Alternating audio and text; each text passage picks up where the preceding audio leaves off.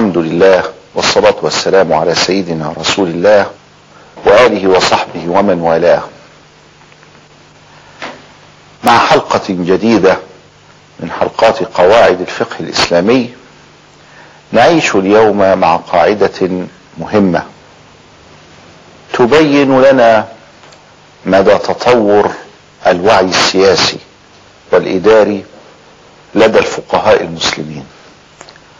وتبين لنا مدى مرونة الشريعة الإسلامية في كل جوانبها القاعدة تقول تصرف الإمام على الرعية منوط بالمصلحة والمعاني التي ذكروها ولأنها متصلة بالدين وبالأخلاق الحميدة وبالأحكام الشرعية يقولون في مثلها إن تصرف الإمام مع رعيته كتصرف ولي اليتيم في ماله في مال اليتيم. يظن بعض الناس خطأ أن هذا فيه شيء من تعظيم الإمام وتشريفه وأن هذا فيه شيء من الدكتاتورية إن صح التعبير. والأمر ليس كذلك. بل هذه القاعدة تؤكد أن هذا الكلام بالنسبة للإمام إنما هو تكليف وليس تشريفا.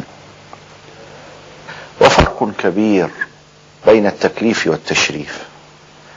ينبغي على الإمام أن يكون حريصا على أموال رعيته والا يتصرف أي تصرف قل أو كثر إلا لمصلحتهم.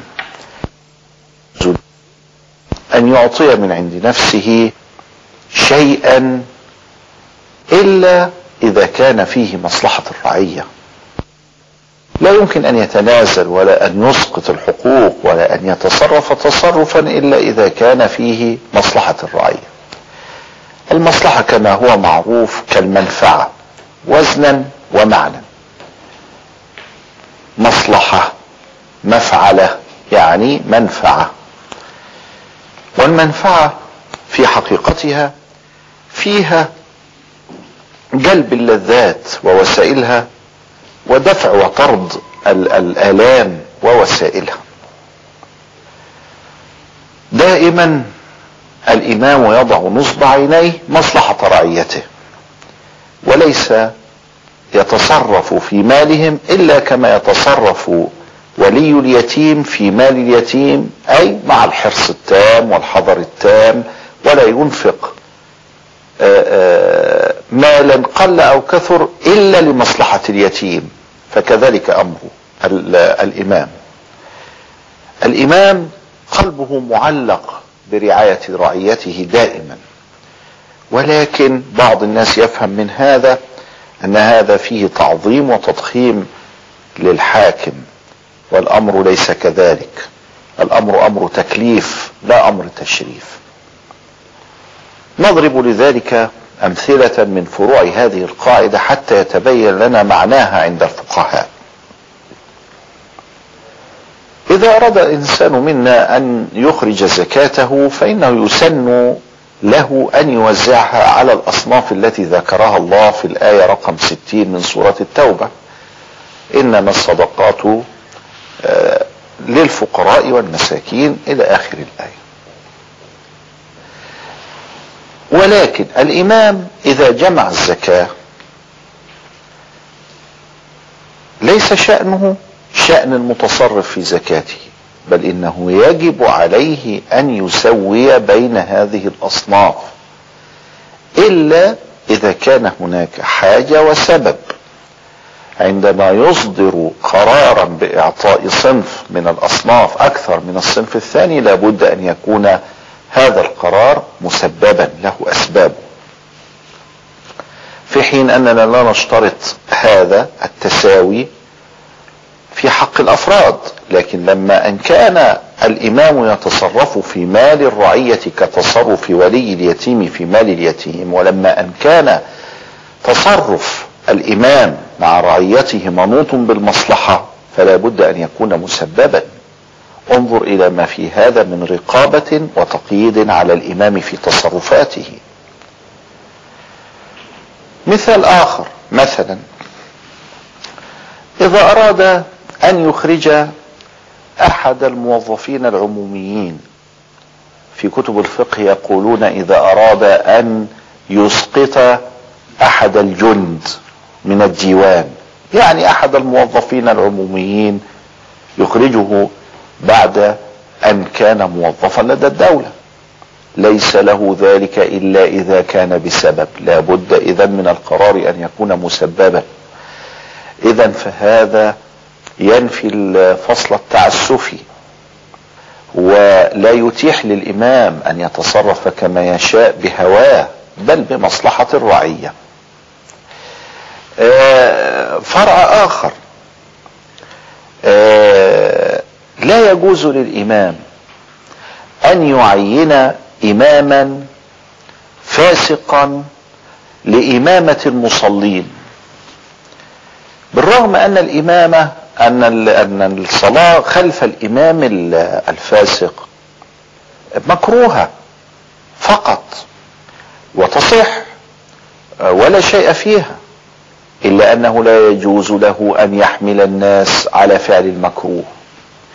لا يجوز له أن يحمل الناس على شيء يريدون أن يتورعوا عنه. الإمام له تقييد مباح. ولكن ليس له تقييد مباح إلا للمصلحة. فإذا لم تكن هناك مصلحة فليس له أن يقيد المباح.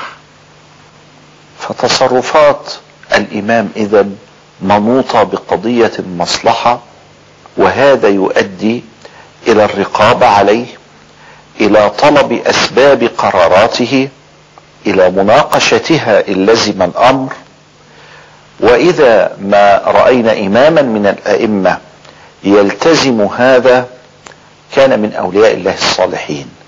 لأنه إنما يفعل هذا لا على سبيل العادة ولا على سبيل جريان السلطان ومقتضيات هذا السلطان منه إنما يفعل هذا لله. لأن تصرفات الإمام مع رعيته منوطه بالمصلحة. الإمام أيها الإخوة المشاهدون الإمام ولي من لا ولي له.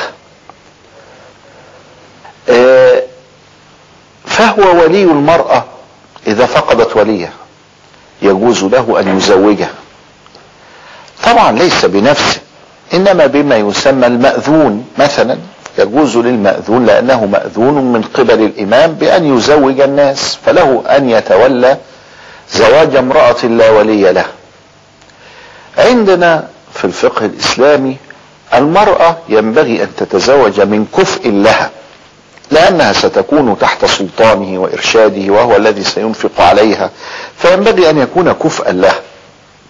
ولا تتزوج من هو أدنى منها لأنها عادة ما تمل مع من الحياة معه. ونريد أن تستمر الحياة. يمكن لوليها أن يزوجها من غير كفء برضاها هي حر. ولكن لا يمكن للحاكم أن يزوجها إلى غير كفء حتى لو رضيت. يرفض الحاكم. لأن لا مصلحة في هذا. ولأن تصرف الإمام مع رعيته مبني على المصلحة. احفظ هذه القاعدة.